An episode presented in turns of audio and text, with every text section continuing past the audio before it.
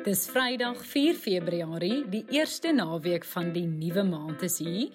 Ek het soos elke week die belangrikste nuusgebeure opgesom om jou op hoogte te bring van sake. Hier is jou weeklikse nuus met Spiespot sending, 'n bondige nuusoorseig met my, Mia Spies.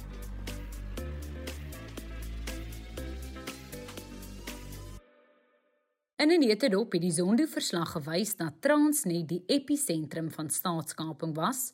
Onderhoude vir die nuwe hoofregter het hierdie week begin. Magashule loop nog 'n bloutjie by die hof. 'n Donker naweek lê voor nadat Eskom beurtkrag implementeer. Vlak 1 maatreëls is verslap.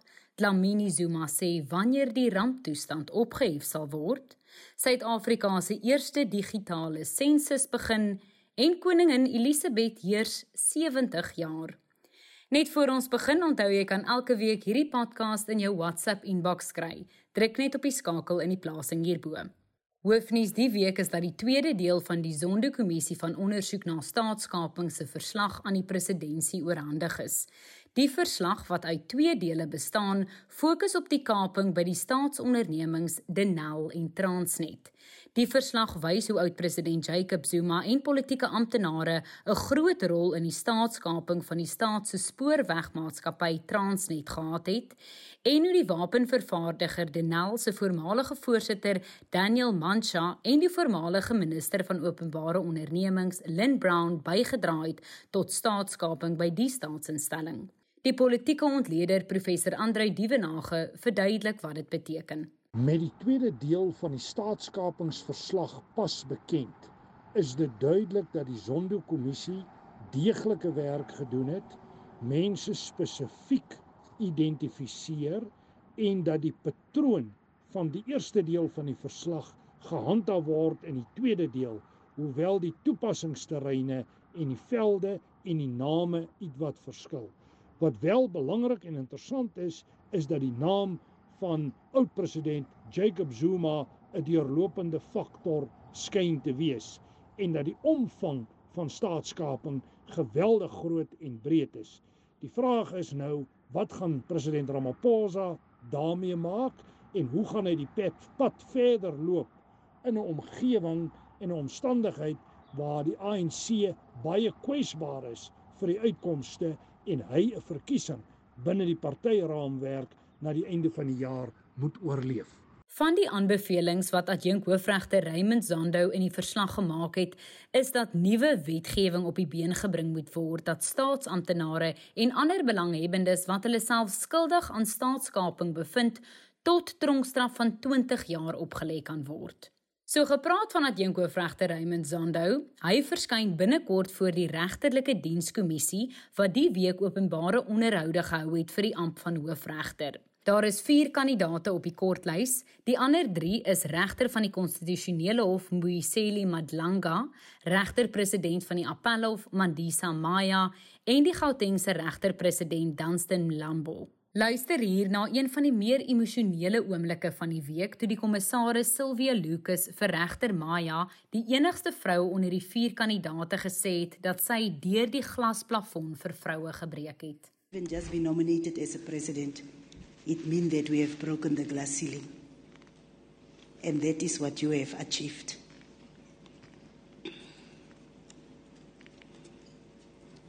I will allow you to, to get to just. I'm sorry, Commissioner. It's fine. We don't have to be sorry. We are emotional beings as women.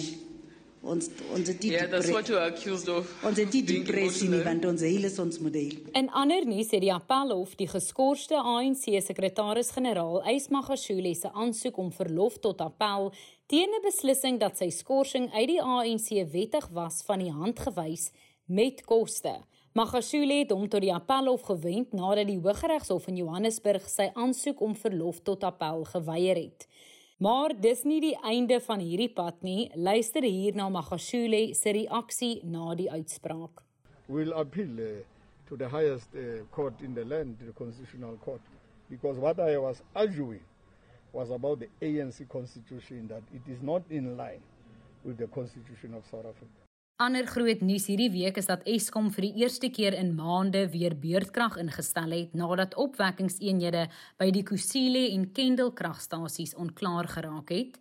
Eskom se bestuurshoof Andrei de Ruyter het tydens 'n media-konferensie gesê dat Eskom daaraan werk om opwekkingseenhede wat buite werking is weer so gou as moontlik aan die kragnetwerk te koppel, maar dat dit heel moontlik nie voor Maandag gaan gebeur nie.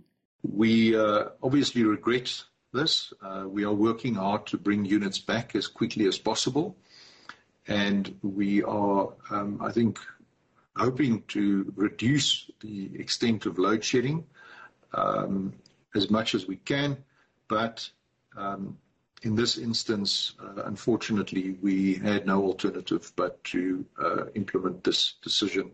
Volgens die jongste wysigings, as jy positief vir COVID-19 toets maar geen simptome toon nie, hoef jy nie meer te isoleer nie. As jy positief toets en simptome toon, moet jy nou 7 dae isoleer en nie meer 10 dae nie.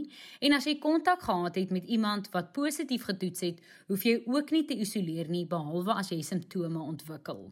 Dan is maatreëls wat skole raak ook verslap. Alle skole kan nou ten volle terugkeer. Daar's nie meer daai rotasiestelsel nie en leerders hoef ook nie meer 'n afstand te hou nie. Normale skoolroosters tree van eerskomende maandag in werking. Nou dat die regulasies verder verslap is, is die groot vraag wanneer gaan die nasionale ramptoestand eindig? Die minister van Samewerkende Regering en Tradisionele Sake, Nkosazana Dlamini Zuma, het die nasionale raad van provinsies aangespreek en gesê dat verskeie staatsdepartemente nou insette moet lewer oor die nasionale ramptoestand. Die insette sal met die president en die kabinet bespreek word voordat die ramptoestand op 15 Februarie verleng word of nie. All of us will be very happy when the national state of disaster ends. But it should end in a seamless manner where you will not have problems because you have ended it. So we've asked all departments to say whether at this point their legislation will be able to carry what needs to be done, including health, including everyone. But health in particular, their regulations need to be consulted. So those consultations will take a bit of time in a month or so I don't know. Die minister van vervoer vir Kile Mbalula sê dit sal na raming 4 maande neem om die vertraging met die uitreik van lisensiekaarte aan te spreek.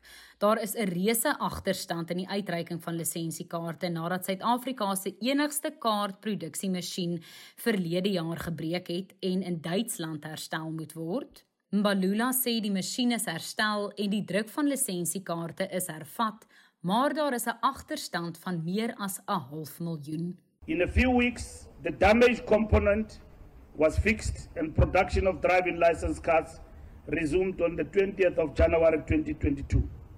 As on the 1st February 2022, the backlog of renewal applications awaiting cards stood at 500,974 Dan het Statistiek Suid-Afrika se 4de sensusopname sedert 1994 hierdie week begin. Dit duur tot 28 Februarie. Die nasionale sensus van 2022 se doel is om die land se bevolking te tel en ook ekonomiese, demografiese en maatskaplike inligting van die inwoners in te samel. Minister en die presidentsie Mondli Gungubele sê die bevolkingssensus is belangrik sodat kort en langtermynbeplanning gedoen kan word. It's good for planning, not only by government, for the entire society, schooling, private sector, I, I guess even churches. They need to know how much structures are required and so on. Suid-Afrika het 'n beroep op Suid-Afrikaners gedoen om aanlyn te registreer, so kan jy dit doen. To participate in Census 2022, you first need to get registered. To register, you can use your phone, tablet, or computer. Choose one of two ways. You can either register by telephone on 0800 110 248 and have our call center agents help you, or register online at getcounted.statsa.gov.za En dan in aanloop tot die staatsrede wat volgende week plaasvind, is die sleutel van die Kaapse stadsaal aan die parlement oorhandig. Kaapstad se burgemeester Jordan Hill Lewis het vroeër die week die sleutel van die stadsaal aan die spreker van die parlement, Nosiviwe Mapisa Nkakula, gegee. Hierdie jaar se staatsrede en die debat wat daarop volg, vind volgende donderdag by die stadsraad plaas na die verwoestende brand vroeër hierdie jaar by die parlement. En laastens vier koningin Elisabeth II Sondag 70 jaar as die Britse monarg. Sewe dekades gelede het sy op 25 jarige ouderdom die troon bestyg na die afsterwe van haar pa. Hierdie dag word nie in die openbaar gevier nie omdat dit die dag is wat haar pa gesterf het. Buckingham Paleis het egter bevestig dat die viering in Junie vanjaar gehou sal word sodat dit saam met haar verjaarsdag val en ook die herdenking van haar kroning. Nou dat jy op hoogte van sake is, is jy reg om te gaan naweek hou. Nuus met Spies is 'n produksie in samewerking met die Potgooi Produksiehuis Volume. Ons vervaardigers is Roland Perolt, Andy Sewe May en Karen Blau. En Curtis Skaal het ons kenwysie gekomponeer. Ek en jy gesels weer binnekort. Goed gaan.